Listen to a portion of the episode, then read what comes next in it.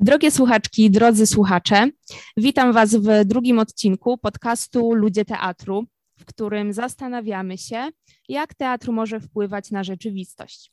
Ja nazywam się Kasia Pongowska i dzisiaj porozmawiam z Weroniką Idzikowską. Cześć Weroniko. Cześć, dzień dobry. I porozmawiamy o tym, jak teatr może się przydać do pracy z dziećmi i młodzieżą z doświadczeniem traumy wojennej, czy też traumy uchodźczej. Ale zanim przejdziemy do tego głównego tematu, to jeszcze mam jedno pytanie, które chciałabym Ci zadać i które zadaję i będę zadawać zawsze wszystkim gościom tego podcastu i będzie takim stałym elementem. Jest to pytanie iście filozoficzne, czyli kim jesteś? Za, w kontekście zawodowym oczywiście, bo ludzie teatru to jest szerokim, po, szerokie pojęcie, też w Twoim biogramie się pojawia dużo nazw profesji czy zawodów, którymi się zajmujesz po przecinku i chciałam Cię zapytać, jak Ty najbardziej lubisz siebie określać? To jest rzeczywiście iście filozoficzne pytanie. Mm, ja myślę sobie, że jestem przede wszystkim pedagogzką e, teatru. E, I jestem też asystentką emocjonalną, co oznacza, że pracuję w takich sytuacjach mm, doświadczania trudnych emocji przez dzieci, przez młodzież, także przez dorosłych, czyli w e, przestrzeni interwencji kryzysowej. Tym się zajmuję. I e, taką drugą nogą mojej pracy jest e, też m, mm, praca z doświadczeniem stresu, z doświadczeniem. E, tego, tego zjawiska, które, które towarzyszy nam przez całe życie właściwie, stres, nie? Więc jakby to jest coś, e, czym ja się opiekuję, ale też uczę, w jaki sposób, albo wspieram może bardziej, w jaki sposób można sobie z tym stresem radzić, zwłaszcza z takim stresem, który jest e, mm, codziennym, codziennym stresem, jaki nas spotyka. Mhm. Mm, czyli teraz to, czym się zajmujesz, idealnie odpowiada na potrzeby sytuacji i, i też y, w temacie, w którym mm, właśnie będziemy rozmawiać. Mamy teraz w Polsce do, do czynienia w zasadzie z dwoma kryzysami uchodźczymi. Jednym, który od dłuższego czasu dzieje się na granicy polsko-białoruskiej, no i tym, y, który obecnie od ponad miesiąca jest związany z wojną E, rosyjsko-ukraińską i w ramach tych obu kryzysów, a szczególnie tego ostatniego, do naszego kraju przybywa bardzo dużo uchodźców, uchodźczyń, także dzieci i młodzieży, i są, młodzieży, nastolatków, i są to osoby, które E, no, przy, przychodzą do nas z bardzo różnymi trudnymi przeżyciami, emocjami, e, czasem wręcz traumą związaną z tym, czego doświadczyli, co, czego byli świadkami, bądź czego osobiście bezpośrednio doświadczali u siebie na miejscu lub też pewnie w drodze. I chciałabym, żebyś ty ze swojego doświadczenia, bo wiem też, że w ciągu tego ostatniego miesiąca e, pracujesz z dzieciakami, z nastolatkami, którzy przybyli do nas e, z Ukrainy żebyś też nakreślić, żeby nakreślić też taki kontekst dla słuchaczy i słuchaczek, czym ty się teraz zajmujesz, jak twoja praca wygląda, żebyś powiedziała, gdzie teraz e, wykonujesz tę pracę, jaka to jest praca, ale też trochę o tych dzieciakach i, i nastolatkach, w jakim oni są stanie, w jakim stanie oni przychodzą do ciebie e, na zajęcia, na warsztaty, jak te przeżycia ich się objawiają, z jakimi emocjami e, ich zastajesz. Mhm myślę, że ta, ta praca można by ją było podzielić właściwie na takie trzy y, obszary. Pierwszy obszar to jest praca z dzieciakami, które tu mamy po prostu w Polsce. Nie? I to są osoby, które są z różnych mniejszości etnicznych czy narodowych, ale też e, Polacy, Polki i Polacy, z którymi zawsze pracowaliśmy w szkołach czy w instytucjach kultury, w teatrach i tak dalej. I to są e, dzieci, które także potrzebują w tym momencie rozjaśnienia tego, co się dzieje, tej sytuacji, w której jest nas coraz więcej i zaczynają się pojawiać nowe języki, zwłaszcza język ukraiński i język rosyjski bardzo mocno, ale też potrzebują zaopiekowania różnymi emocjami, które temu towarzyszą i to są na ogół takie emocje związane z mm, niepewnością. Nawet nie zawsze to jest lęk albo strach, o którym tak sobie myślimy, że, że dzieci będą się pewnie obawiały, czy wojna nie przyjdzie tutaj. Raczej to często jest po prostu taka niepewność, jak się zachować wobec nowych osób, osób, nowych koleżanek, e, jak się zachować w świecie, który się zagęszcza też. Nie u nas w Krakowie jest po prostu dwa razy więcej ludzi mniej więcej w tym momencie.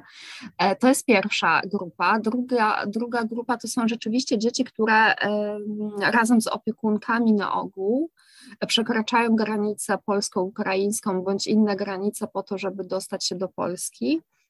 E, I to są właśnie dzieci z Ukrainy. I teraz e, tym dzieciom towarzyszą bardzo rozmaite emocje.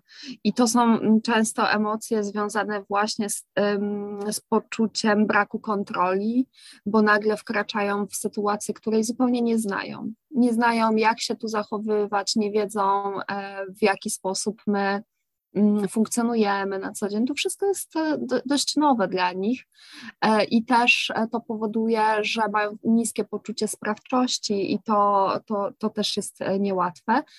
Natomiast jest też część dzieci, które rzeczywiście doświadczyły czegoś, o czym możemy mówić już głośno jako trauma. Nie wszystkie dzieci, dlatego że też wyjeżdżały w różnych momentach wojny i też e, jakby różne, różne rzeczy po drodze widziały, różnych rzeczy doświadczyli ich opiekunowie, ich rodzice i też z nimi dzieją się różne rzeczy. Natomiast te dzieci, które rzeczywiście przyjeżdżają tu z tym doświadczeniem traumy, to mm, to jest to zupełnie mm, inna praca, dlatego że to jest taka praca, w której my się, ja się przede wszystkim zajmuję rozpoznaniem tego, w jakim są stanie i mm, jakby połączeniem tych dzieci ze specjalistyczną pomocą, bo też musimy wiedzieć, że jako osoby zajmujące się pedagogiką czy pedagogiką teatru właśnie nie jesteśmy od tego, żeby przepracowywać z dziećmi e, zaburzenia e, lękowe czy zaburzenia właśnie po takim stresie e, długotrwałym i głębokim. To robią specjaliści. My możemy to rozpoznawać. E, I, to, i ta, a trzecia grupa to są dzieciaki właśnie, z którymi mm, pracuję,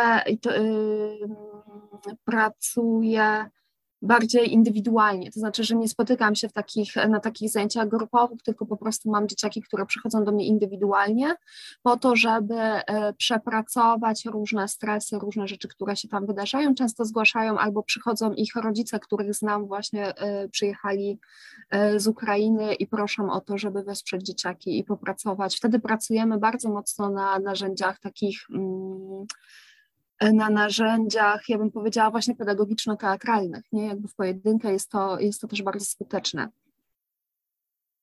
Mm, no bo mm, no właśnie, mm, ja jak sobie to wyobrażam, bo sama tego doświadczenia teraz nie mam, no ale mając doświadczenie w ogóle pracy z teatrem, z dzieciakami, z młodzieżą czy z innymi grupami, by teatrem, pedagogiką teatru jako jakąś metodą możemy zadziałać e, w bardzo różny sposób e, e, wzmacniając jakieś rzeczy, wspierając, pracując nad budowaniem jakichś kompetencji.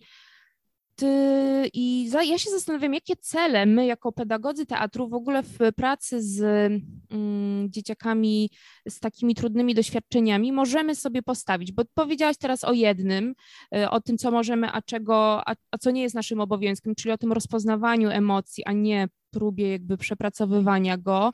A co jeszcze oprócz tego Twoim zdaniem może być takim celem pedagoga, pedagogzki teatru w pracy z dzieciakami z Ukrainy? Mhm. E, ja, jakkolwiek to nie zabrzmi, to powiem zabawa. Przede wszystkim e, zabawa i doświadczenie e, czegoś przyjemnego, jakiejś przyjemności, spotkania, wspólnoty, tego, że jesteśmy razem i że razem możemy robić fajne rzeczy. To jest trochę przywracanie czegoś, nawet może niekoniecznie przywracanie, ale dawanie takiego doświadczenia, które jest bardzo potrzebne człowiekowi, w jakimkolwiek on wieku nie jest. Nie? Jakby to, żebyśmy mieli towarzystwo i żebyśmy mogli się bawić. E, więc to jest bardzo, bardzo istotne.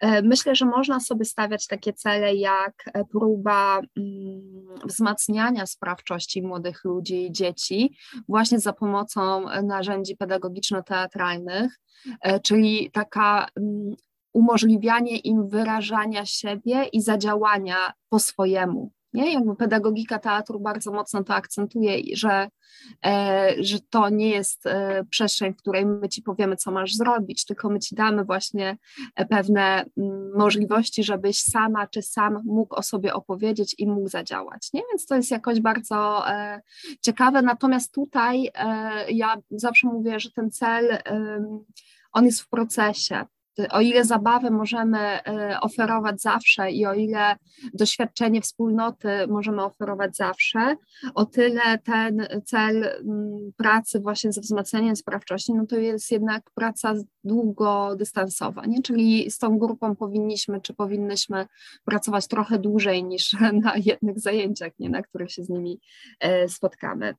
Mm, myślę sobie jeszcze o tym, że rzeczywiście jest tak, że teatr jest taką przestrzenią dla ciała, nie? Jakby w całej e, niestety naszej edukacji powszechnej my bardzo mocno o tym ciele zapominamy. Dzieciaki spędzają mnóstwo czasu w tych e, w szkołach. E, te dzieci, które tu przyjeżdżają z Ukrainy, albo idą do szkół publicznych, albo idą do takich szkółek przygotowawczych, zbiorczych i mimo wszystko jakby to polega na tym, że uruchamiamy swój umysł, żeby się nauczyć języka polskiego, żeby zrozumieć, jak te konteksty działają, a to ciało bywa Mm, nie, nie, niezaproszone do współdziałania. I teraz pedagogiczno-teatralnie można z tym ciałem podziałać, zwłaszcza, że w nim e, akumuluje się mnóstwo emocji i mnóstwo e, stresu też, nie? Więc fajnie, jeżeli my trochę możemy się tym ciałem zająć.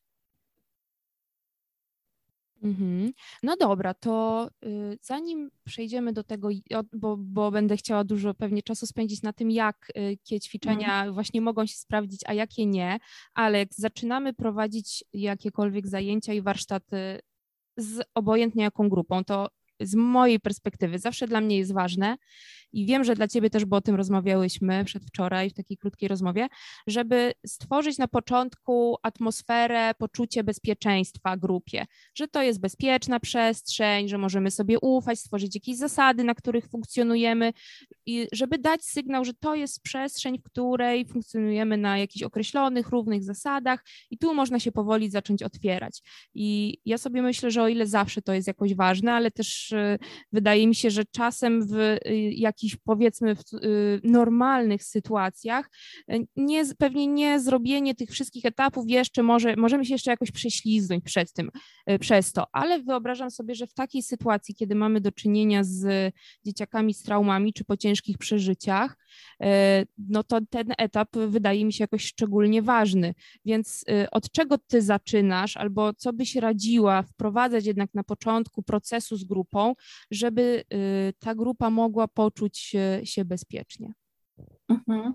No właśnie, to bezpieczeństwo fizyczne i emocjonalne, one są kluczowe w ogóle już mm, w towarzyszeniu jakimkolwiek e, ludziom, nie? Jakby, czy to są dzieci, czy to jest młodzież, czy to są dorośli. E, natomiast jeżeli mamy do czynienia z jakąś grupą dzieci, która do nas przychodzi, to pierwsza rzecz, jaką ja zawsze robię, czy to są e, dzieci z doświadczeniem uchodźstwa, czy nie, to kontaktuję się z opiekunami tych dzieci żeby wiedzieć, z kim ja mam w ogóle do czynienia e, i z czym ja mogę się spotkać, bo też e, każde dziecko jest inne i każde dziecko ma swoją e, opowieść nie? ma różne e, doświadczenia i te doświadczenia mogą później rzutować na jego różne zachowania, albo to, jak będzie odbierać cokolwiek, albo w jaki sposób ja będę się komunikować też z tym dzieckiem, bo może się okazać, że e, na zajęciach miałam kiedyś taką historię, pojawiały się dzieci e, z afazją, o której opiekunowie mnie nie poinformowali. I wtedy to też jest bardzo ważne, żeby po prostu rozpoznać, wiedzieć, żeby tego dziecka nie, mm, nie zapraszać do rzeczy, które mogą być bardzo trudne dla niego po prostu w komunikacji. Nie? No więc pierwsza rzecz to na pewno ten kontakt. Druga rzecz to jest e, to, że na samym początku e, dzieci czy młodzież powinny spotkać się z entuzjazmem i uśmiechem. To znaczy, że witamy się w sposób, który jest zapraszający, nie? To takie, mm, to jest bardzo afektywne dla ciała, też empatia kinetyczna, taka kinestetyczna może się wtedy włączyć e, dzieciom, nie? Że one się też poczują trochę bezpieczniej, jeżeli widzą, że ja jestem rozluźniona, nie jestem napięta, nie jestem zestresowana, że teraz przyjdą do mnie jakieś dzieci i co ja zrobię, tylko jestem po prostu w tej gotowości, cieszę się na to spotkanie, zapraszam na to spotkanie. Oczywiście nie chodzi o jakiś mega hura optymizm, że ja teraz zarzucę wszystkich e, swoją dużą energią i radością, bo to też może przytłaczać, nie? Ale tak właśnie, żeby, mm, żeby ci młodzi ludzie, żeby dzieci miały poczucie, że e, to jest bezpiecznie i ta, ta baba czy ten facet wiedzą, co robią po prostu, nie? I trzecia rzecz rzeczywiście jest taka, że mm, ja na początku staram się po pierwsze poznać dzieci, czyli zrobić te wszystkie mm, zabawy albo mm, rozmowę, która pozwala e, nam e, siebie nawzajem poznać, jeżeli oni się nie znają, albo żebym ja mogła się z nimi w jakikolwiek sposób zapoznać, czyli żeby cokolwiek mogli mi na swój temat powiedzieć. Jeżeli przychodzą dzieci, które komunikują w zupełnie innym języku niż ja, e, ja mam akurat tę łatwość, że też jakby mówię w, w, języku rosyjskim, więc jest mi łatwiej się skomunikować. Natomiast jeżeli przychodzą dzie dzieci, które mm, będą mówić właśnie po rosyjsku, po ukraińsku, a my nie mówimy, to te, tym się nie należy stresować. To właściwie jest ekstra platforma do tego, żebyśmy się na początku właśnie poznali i zaczepili o ten język. I e, z ciekawością możemy dopytywać o różne rzeczy, próbować ich imiona naśladować, bo wcale to często nie jest e, łatwe, albo naśladować, m, mm, próbować powtarzać też e, słowa, e, którymi nazywają rzeczy dla nich ważne, na przykład, nie? To też dużo radości często wzbudza, bo to nie jest takie, nie jest takie łatwe często.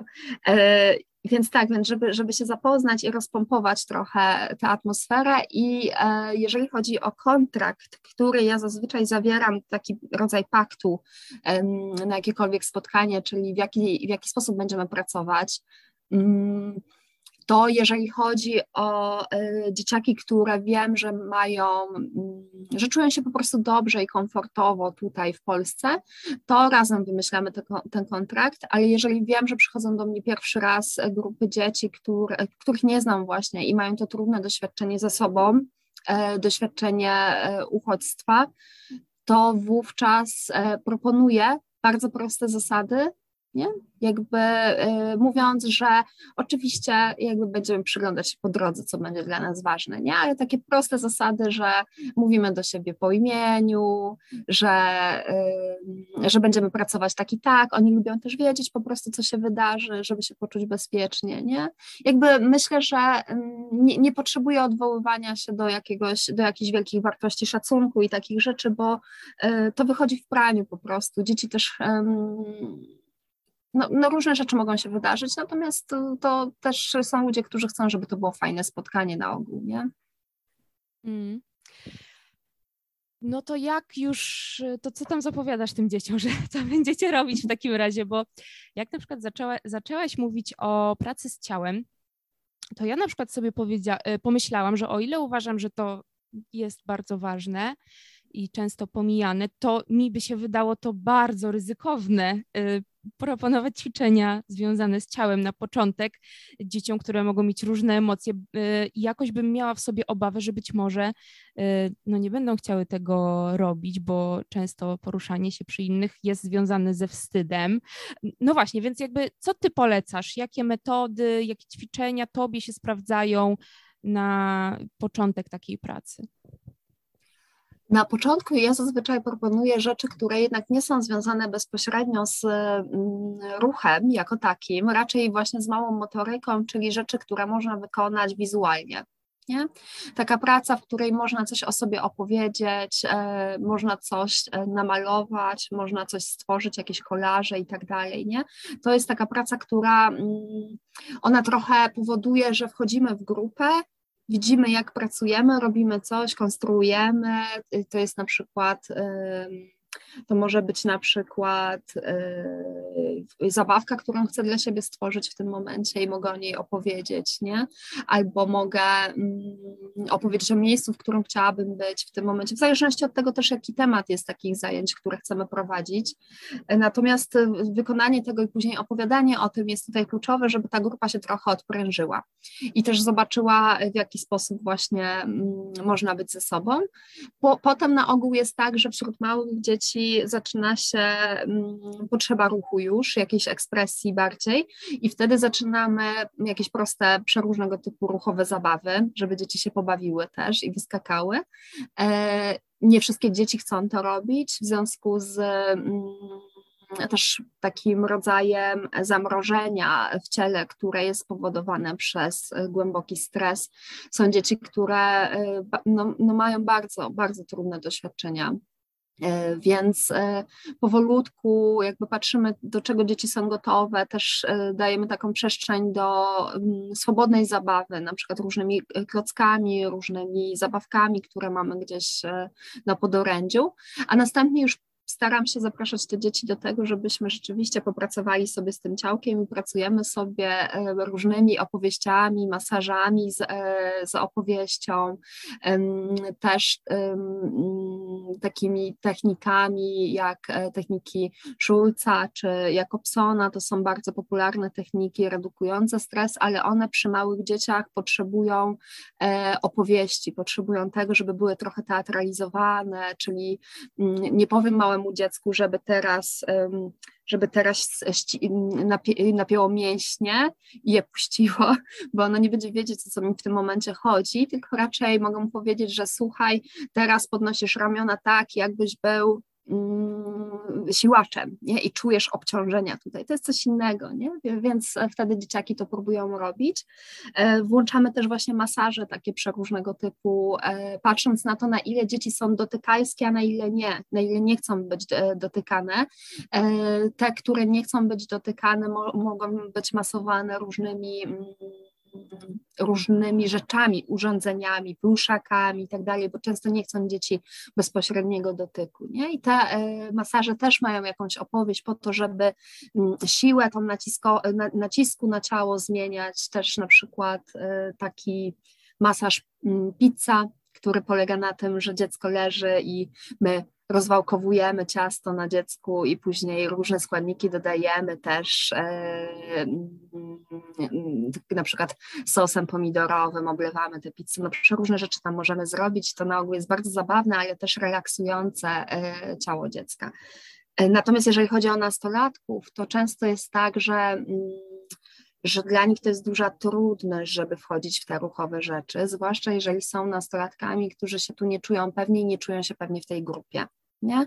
Bo to może być tak, że e, mamy e, dzieci, które dopiero co przyszły do szkoły, e, na przykład takiej mm, przygotowującej szkółki i, i ci nastolatkowie dobrze sami ze sobą się nie znają i sami ze sobą nie są jeszcze okrzepni, więc tutaj raczej robimy więcej takich, ja robię więcej takich rzeczy, które są związane z tym, żeby oni mogli się poznać, pobyć trochę ze sobą, popracować w jakichś parach, żeby te pary często zmieniać, bo widać, że oni, oni mm, będą pracować w tych parach, bardzo często się na to zgodzą, ale często widać, że po prostu niekoniecznie y, dana osoba jest dla nich tą osobą, z którą chcieliby pracować, więc to też e, y, zapewnienie tego komfortu, nie zmuszanie nikogo do pewnych rzeczy jest tutaj kluczowe, bo mm, jeżeli ludzie mają jakiś bagaż e, naprawdę ogromnej trudności, to mm, na czym innym polega odważanie ich do tego, żeby byli ze sobą,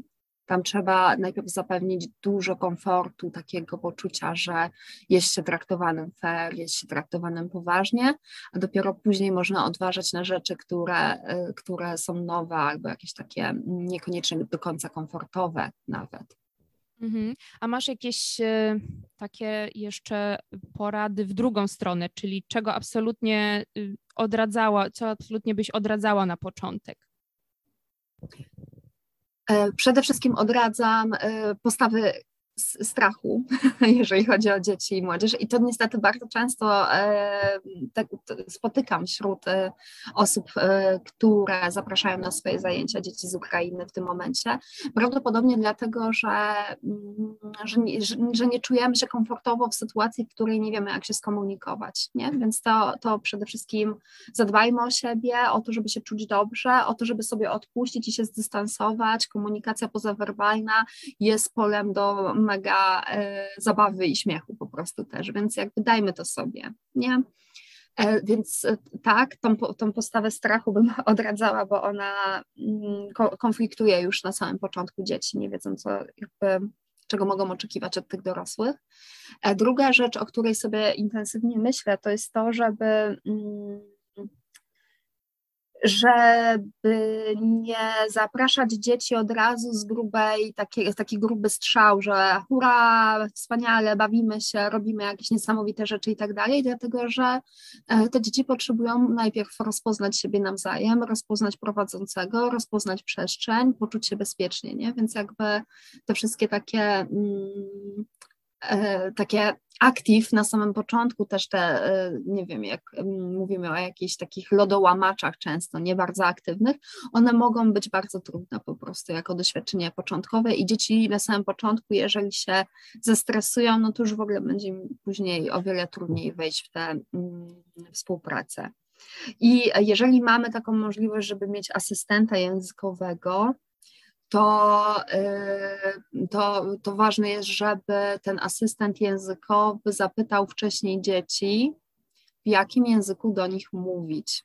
I teraz y, jest tak, że część dzieci mówi po ukraińsku, a część dzieci nie mówi po ukraińsku i mówi po rosyjsku. I to trzeba jakby wcześniej sobie po prostu sprawdzić.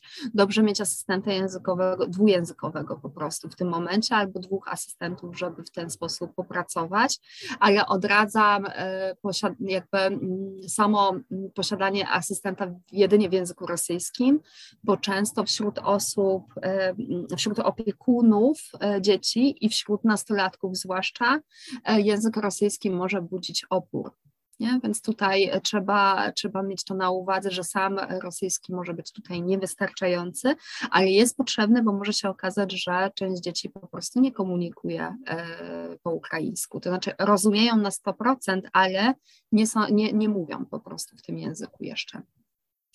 E, I, I zastanawiam się, czy coś jeszcze jest takie, co bym odradzała, ale chyba. Jeszcze pamiętam, że w tej naszej przedstępnej rozmowie mówiłaś też o tym, może warto y, trochę więcej y, powiedzieć o tym, że odradzasz też takie ćwiczenia, które bazują na ekspozycji jednostki, czyli mm, które mm. bazują na tym, że dziecko musi coś samo zaprezentować przed grupą, samo zrobić. Tak, to teraz myślę o tym, że na samym początku, jak się sobie przedstawiamy, to już jest jakiś rodzaj ekspozycji, dlatego wtedy trzeba dość to, to są krótkie sety, nie? nie żeby nie wiadomo co opowiadać na swój temat, tylko żeby po prostu powiedzieć swoje imię, można powiedzieć właśnie jakąś, nie wiem, co się lubi robić na przykład, nie? Jakieś takie rzeczy, które są proste i które są dość szybkie, natomiast e, rzeczywiście nie, nie, mm, nie powodować, że te dzieci są jakoś mocno wyeksponowane, te wszystkie e, rzeczy związane z opowiadaniem o sobie albo z tym, że ja teraz zaprezentuję, co tutaj przećwiczyłam. E, jeżeli dziecko chce, to może, jeżeli nie chce, nie musi. Pamiętajmy o tym, że to też jest część naszego paktu, bo inaczej e, e, jesteśmy dodatkowym stresorem wtedy dla tych dzieci. Nie? I to dotyczy nie tylko dzieci z doświadczeniem uchodźstwa, to w ogóle dotyczy dzieciaków, e, z którymi pracujemy. My jako dorośli mamy taką możliwość, żeby powiedzieć nie i często z niej korzystamy na różnego typu warsztatach, próbujemy z niej korzystać przynajmniej, a dzieci nie mają poczucia nawet, że mają taką możliwość, że powiedzieć, że nie, ja się teraz wstydzę, ja się stresuję, ja nie chcę. Nie wszystkie dzieci e, są super ekstrawertyczne i bardzo ekspresyjne, mają zupełnie inne, mm, inną jakby możliwość i potrzebę wyrażania siebie, nie? Mm, bardzo się cieszę, że o tym powiedziałaś, bo ja wręcz mam wrażenie, że czasem też pamiętając jakieś swoje, wiem, że też to się zmienia y, i, i metody edukacji teatralnej mm, bardzo, bardzo szybko ewoluują, ale też pamiętam ze swoich doświadczeń, że czasem takiej możliwości, żeby powiedzieć nie, po prostu na warsztatach nie było i nie było no. to akceptowalne, więc ta dobrowolność jest czymś, co mam wrażenie, że też przychodzi ważnym w ogóle y, do pracy. Słuchaj, a jak w ogóle radzić sobie z trudnymi sytuacjami, czy trudnymi emocjami, które mogą się pojawić? Czy w ogóle takowe się pojawiają? Czy pojawiają się jakieś opowieści, um, związane z tym, co dzieciaki dotknęło, co, czego doświadczyły, czy opowiadają y, o tym, albo po prostu nagle, wyobrażam sobie, że nagle ktoś może po prostu nawet nie opowiedzieć, ale zacząć płakać, bo coś się przypomni, tak? Jakby, jakie sytuacje, jeśli możesz oczywiście powiedzieć o jakichś sytuacjach trudnych, które tobie się teraz przydarzają i jak sobie ty z nimi radzisz? Mam też dzieci, które są z obwodu kijowskiego i tam się wydarzyło bardzo dużo, mm, bardzo dużo tragedii, bardzo dużo e, dramatycznych rzeczy. Te dzieci o tym wiedzą i te dzieci też wiele rzeczy widziały. E, I często jest tak, że dzieciaki, e, jak są mniejsze, to mm, rysują albo tworzą rzeczy związane z pamięcią wojny, czyli na przykład e, czołgi, czyli na przykład samoloty zrzucające bomby. Są dzieci, które zamiast, e, na przykład zamiast zabawki, którą projektują, projektują bombę, którą chcą zrzucić na Rosję na przykład, nie? E, I to nie jest łatwe. I też opowiadają o tym, że jechały pięć dni na przykład pociągiem i opowiadają o tym, co widziały przez okna i że to nie jest e, coś, co łatwo też słuchać. Mm, opowiadają o mm, bliskich, których, e, z którymi nie wiadomo, co się dzieje. Nie? Więc to wszystko, to wszystko jest to są ich doświadczenia i to są bardzo trudne doświadczenia. E, co jest ważne, to to, że oni muszą to zrobić, to znaczy, że muszą się wypowiedzieć, mogą wypowiedzieć się plastycznie, mogą się wypowiedzieć właśnie w konstruowaniu tego typu rzeczy, e, mogą wypowiadać się wprost ze strachem, pytają często dzieci, czy tu też będą czołgi na przykład, nie? czy czy tu jest bezpiecznie. I ja nie jestem od tego i żaden dorosły nie jest od tego, żeby teraz tym dzieciom e, mówić, że że nie mogą, że nie powinny albo nie mogą w ten sposób myśleć o świecie. Nie, jak w ogóle trzeba z nim jakąś pedagogiczną rozmowę przeprowadzić, skoro on tworzy bombę, którą zamierza rzucić na Rosję. Bardzo dobrze, że on tworzy cokolwiek w tym momencie, nawet jeżeli jest dla nas trudne jako dorosłych takie doświadczenie, bo on w tym momencie wyraża to, co w nim siedzi, ten ból, ten stres, który jest w nim, emocje i nie uderza w nikogo, bezpośrednio, ani nie uderza w siebie samego, nie? bo to też mogłoby się wydarzyć, więc oni potrzebują po prostu wyrażać te rzeczy. My nie jesteśmy od tego, żeby im teraz, nie wiem, e, czyścić sumienia i mówić, ej, nie wolno, nie? Po pierwsze, a po drugie, jesteśmy od tego, żeby towarzyszyć. Jeżeli dziecko chce opowiadać, to jesteśmy właśnie od tego, żeby wysłuchać e, tej opowieści. E, nie wchodząc w emocje dziecka, to znaczy, że teraz nie może być dwoje zrozpaczonych ludzi, tylko ja tu jestem po to, żeby dać poczucie bezpieczeństwa temu dziecku, nie? żeby powiedzieć mu, słuchaj, tu jesteś bezpieczna, cieszę się, że tu jesteś teraz ze mną, nie? Jakby jesteś bezpieczna. Natomiast nie po to, żeby właśnie mówić ojej, ojej, jakie to straszne i jojkować, bo, bo nie. I też nie ucinać tych rozmów, ale też nie. Yy, dorośli często mają taką tendencję do tego, żeby dopytywać o różne rzeczy. Nie. Dziecko mówi, mówi to, co chce powiedzieć, młody człowiek mówi to, co chce powiedzieć. Jeżeli chcemy E, dopytać to tylko, czy dobrze coś zrozumieliśmy, czyli takie klaryfikacje czy parafrazy są spoko, ale już e, dopytywanie o szczegóły są, jest bardzo trudne, dlatego że nasz układ współczulny, który odpowiada za stres, nie jakby za mobilizację, on, jeżeli chodzi o wspomnienia i jeżeli chodzi o rzeczy, które tam się pojawiają, też się uruchamia, nie? czyli to mm, nie musi być tak, że bodziec jest tutaj jakiegoś doświadczenia stresowego, tylko może być jakimś wspomnieniem, nie? więc nie, nie, da, nie dajmy tego dzieciom na nowo e, przetwarzać. E, nastolatkowie opowiadają często o tym, że, mm, że zostawili tam cały swój świat, nie? Wszystko, zostawiłam tam chłopaka na przykład, nie? Zostawiłam tam chłopaka, e, nie wiem, co się z nim teraz dzieje, jakby piszemy do siebie wiadomości, ale ja nie wiem, kiedy wrócę, chce mi się płakać, nie? I ty jesteś tutaj po to, żeby tego słuchać po prostu. Też e, nie, nie myśleć o sobie jako o tych osobach, które mają dawać jakieś złote rady albo jakieś rozwiązania. To w ogóle nie wchodzi w grę w towarzyszeniu ludziom w trudnych emocjach, nie? Czyli ty zostawiłaś tam chłopaka, słuchaj, a może zrobisz to i to, to będzie ci lepiej. Nie, nie o to chodzi. Możemy pogadać, a słuchaj, a jak sobie radzisz, żeby ci było lepiej? Nie czy masz coś takiego, nie wiem, co ci pomaga, nie? Możemy zapytać, ale nie będziemy mówić, to też e, nie o to chodzi, nie?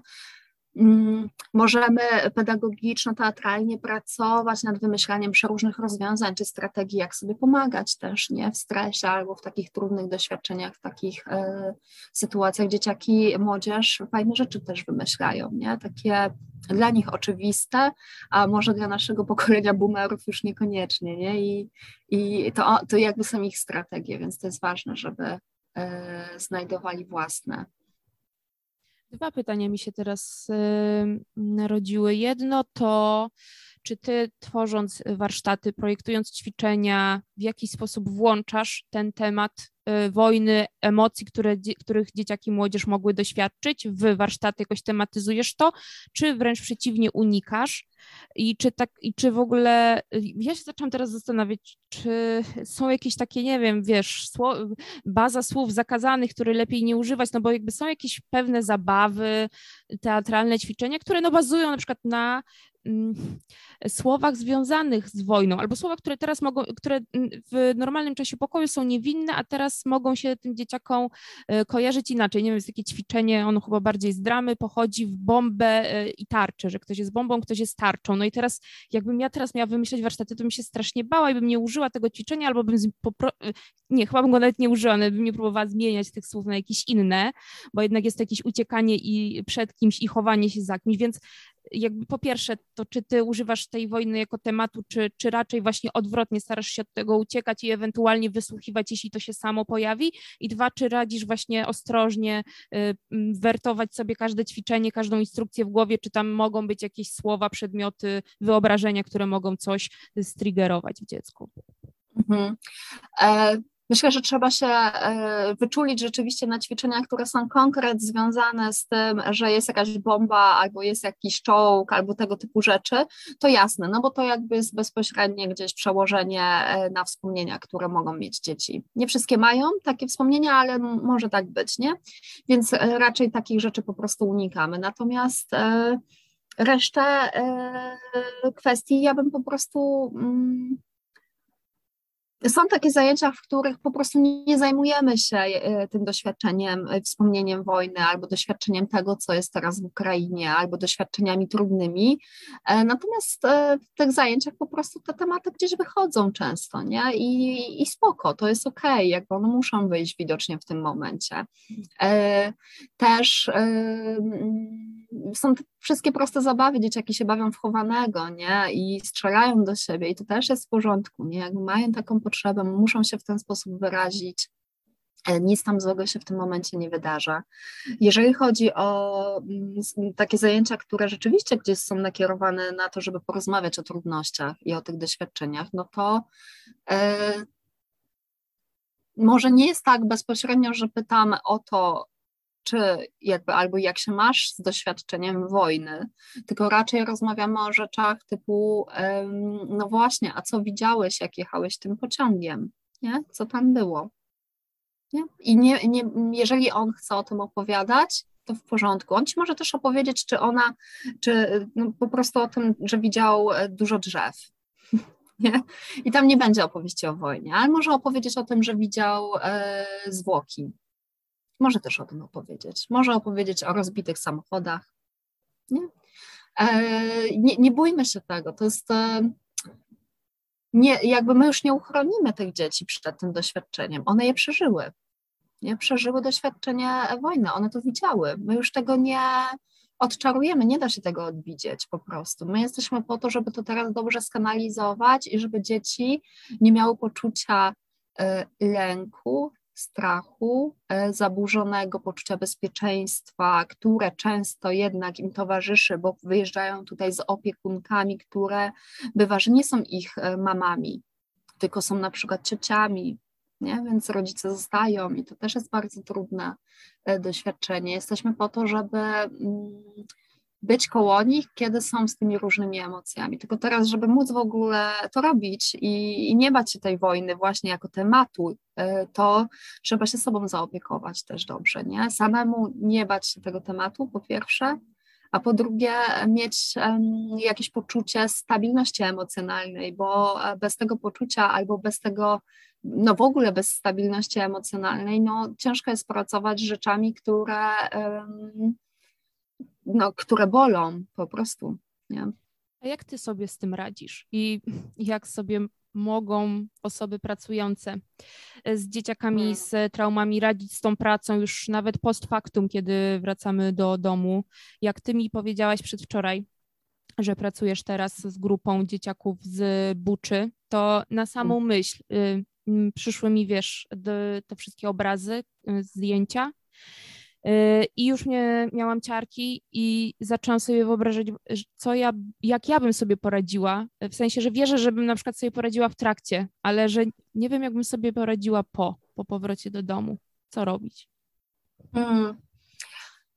No to tak, po pierwsze, po pierwsze to jest tak, że ja byłam tego uczona przez lata jako asystent emocjonalny, czyli uczyłam się tego, w jaki sposób nie być gąbką i nie zasysać emocji, e, trudnych emocji, e, trudnych doświadczeń ludzi, e, a być e, po prostu mm, towarzyszem, nie? I jakby nie brać tego na siebie. To są ich emocje, ja jestem mm, odrębną osobą, to są ich przeżycia, są bardzo trudne, to prawda, natomiast one nie są moje, nie jakby y, tego się po prostu uczysz i uświadomianie sobie, przypominanie sobie nieustannie, że my nie jesteśmy od tego, żeby się dostrajać do czyichś emocji tak mocno, że one będą nasze, jest tutaj bardzo ważne, żeby to sobie cały czas przypominać, nie? że to, to jest czyjaś opowieść. E, druga kwestia jest taka, że mm, bardzo ważna jest regeneracja i dbanie o to, żeby to ciało i ten umysł nasz nie był nieustannie skupiony na trudnych doświadczeniach i trudnych tematach, czyli karmienie siebie jakimś rodzajem przyjemności, dobra, e, rzeczy, które e, pozwalają odsapnąć, nie? czyli spacer po lesie, pojechanie gdzieś na rowerze, zrobienie kolacji ze znajomymi. Nie? Jakby te wszystkie rzeczy są bardzo ważne tutaj, żeby je sobie dawać.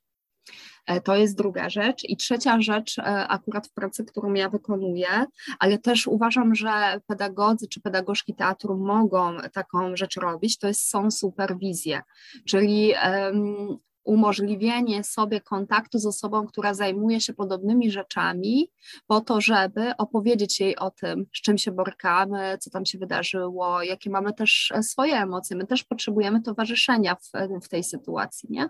E, I to bardzo, bardzo pomaga, bo mm, nie akumulujemy tych treści, wątpliwości, też różnych strachów związanych z taką pracą w sobie, tylko je wyrzucamy na zewnątrz, nazywamy, próbujemy je sobie jakoś poukładać, nie? Ktoś jak je zobaczy, to też może nam coś o nich powiedzieć, albo może powiedzieć, co słyszy po prostu, nie? Słyszę o tym, jak mówisz coś takiego, to ja myślę sobie wtedy, że hmm? słyszę, że ty e, mówisz o czymś takim, czy ja mam rację, nie? Więc to towarzyszenie jest tutaj bardzo ważne, e, żeby każdy gdzieś mm, miał takiego towarzysza, tylko właśnie chodzi mm, raczej o towarzysza w kontekście zawodowym, niż e, o wypłakiwanie się albo wygadywanie się przyjaciółce czy przyjacielowi. To też jest ważne, oczywiście, no bo to jakby jest e, wspólnotowe, nie? Ale e, taka osoba nie da nam mm, informacji zwrotnej z gruntu zawodowego i nie przegada z nami różnych rzeczy, tak jak może to zrobić superwizor, który jest też zanurzony w podobnej pracy, nie? Mm, brakuje w naszym zawodzie takich osób i takich przestrzeni. No, niestety, ale też wiesz, myślę, że e, to jest, e, to chyba jest jakiś postulat, nie? Żeby, żeby o tym zacząć myśleć, że potrzebujemy siebie nawzajem superwizować. No. Tak, tak, bo myślę, że wiele, wielu z nas te kompetencje ma i moglibyśmy dla, nawzajem dla siebie, tak jak powiedziałaś, to robić. E, słuchaj, żeby jakoś tak zakończyć jeszcze pozytywnym akcentem, bo też pojawiło się trochę rzeczy, też trudniejszych tematów. No a co jest y, dobrego i pięknego w tej pracy dla ciebie? Co daje ci y, w niej satysfakcję? E, myślę sobie, że w ogóle mm, po pierwsze mnie zawsze e, tak, myślę, że cieszy, to jest dobre słowo, cieszy to, że w tej pracy można uznać, że wszystkie emocje i wszystkie doświadczenia, jakie przeżywamy, są ważne, nie? że nie ma czegoś, co jest mniej ważne albo um, jakichś emocji nie warto do siebie dopuszczać i tak dalej. Nie? Więc to jest super uznanie dla człowieczeństwa i mnie to zawsze bardzo cieszy, że, że można taką pracę um, wykonywać. A po drugie, myślę o tym, yy, ja tak cały czas po pierwsze, po drugie mówię. A ja myślałam o tym, że... Nawet zawsze ci trzy wychodzą, zauważyłam, więc jesteś bardzo uporządkowana pod tym względem wyliczeń. Wyliczanki, kołysanki po prostu. A ja też myślę o tym, że e, spotkanie z ludźmi jest cudowne, nawet jeżeli ono jest e, mm, karmione czymś tak niezwykle tragicznym jak wojna, nie? To jednak jest spotkanie z drugim człowiekiem, e, i ono jest jakoś budujące zazwyczaj, nie? że możemy sobie razem pobyć i też jest dużo pięknych, takich śmiesznych też momentów w tej pracy, nie? Też nie cały czas jesteśmy pogrążeni w smutku. Nie? Czasami jest po prostu rewolta, śmiechu i zabawy, więc to też jest e, jakoś, jakoś karmiące, tak myślę. No, też właśnie nie zapominajmy o tym, o tej radości, o tym uśmiechu. To jest e, kluczowy mój e, bardzo bliski przyjaciel, który jest zmobilizowany w Ukrainie, a on cały czas to powtarza, nie? Potrzebujecie dystansu i uśmiechu. dystansu do siebie. No, to prawda, jakby żeby się nie um, autotraumatyzować, bo my mamy takie skłonności do tego, że, żeby zafrasować się i myśleć o tym, jak jest e, kosmicznie źle, nie? Raczej więcej radości i więcej e, doszukiwania się nawet powodów do jakiegoś absurdalnej, e, jakiejś absurdalnych radości i śmiechu. To jest bardzo ważne. Śmiech jest też bardzo dotleniający i odstresowujący, więc to jest jakby ważne, żeby na tym śmiechu pracować. A śmiech i radość dziecięca y, dla mnie na przykład bywa bardzo zaraźliwa. Więc pewnie łatwiej y, to też z dzieciakami na siebie przełożyć. Tak, Weroniko, tak. Bardzo Ci dziękuję za tę rozmowę. Jakiś e, też ogrom e, myśli i Twoje doświadczenia e, niezwykle są dla mnie ważne i mam nadzieję, że dla naszych słuchaczy, słuchaczek też będą cenne w, w ich pracy. Więc bardzo Ci dziękuję. Dzięki, dzięki serdeczne. Dziękuję. A te osoby, które dotrwały z nami do końca, to zachęcam do tego, żeby dzielić się swoimi wrażeniami, przemyśleniami, a może jakimiś pytaniami, myślami, które Was zostały po tej rozmowie, czy może jakimiś Waszymi doświadczeniami, które macie e, w temacie, o którym rozmawiałyśmy i możecie to robić w każdym miejscu, w którym znajdziecie nasz podcast, ale też zapraszam na Instagrama, tam e, mamy pomalutku rozwijający się profil Ludzie Teatru i tam też y, zawsze zaglądam, więc tam możecie y, na pewno wpisywać i na pewno ja Wam odpowiem i będę Weronice też te rzeczy przekazywać. I do usłyszenia w kolejnym odcinku.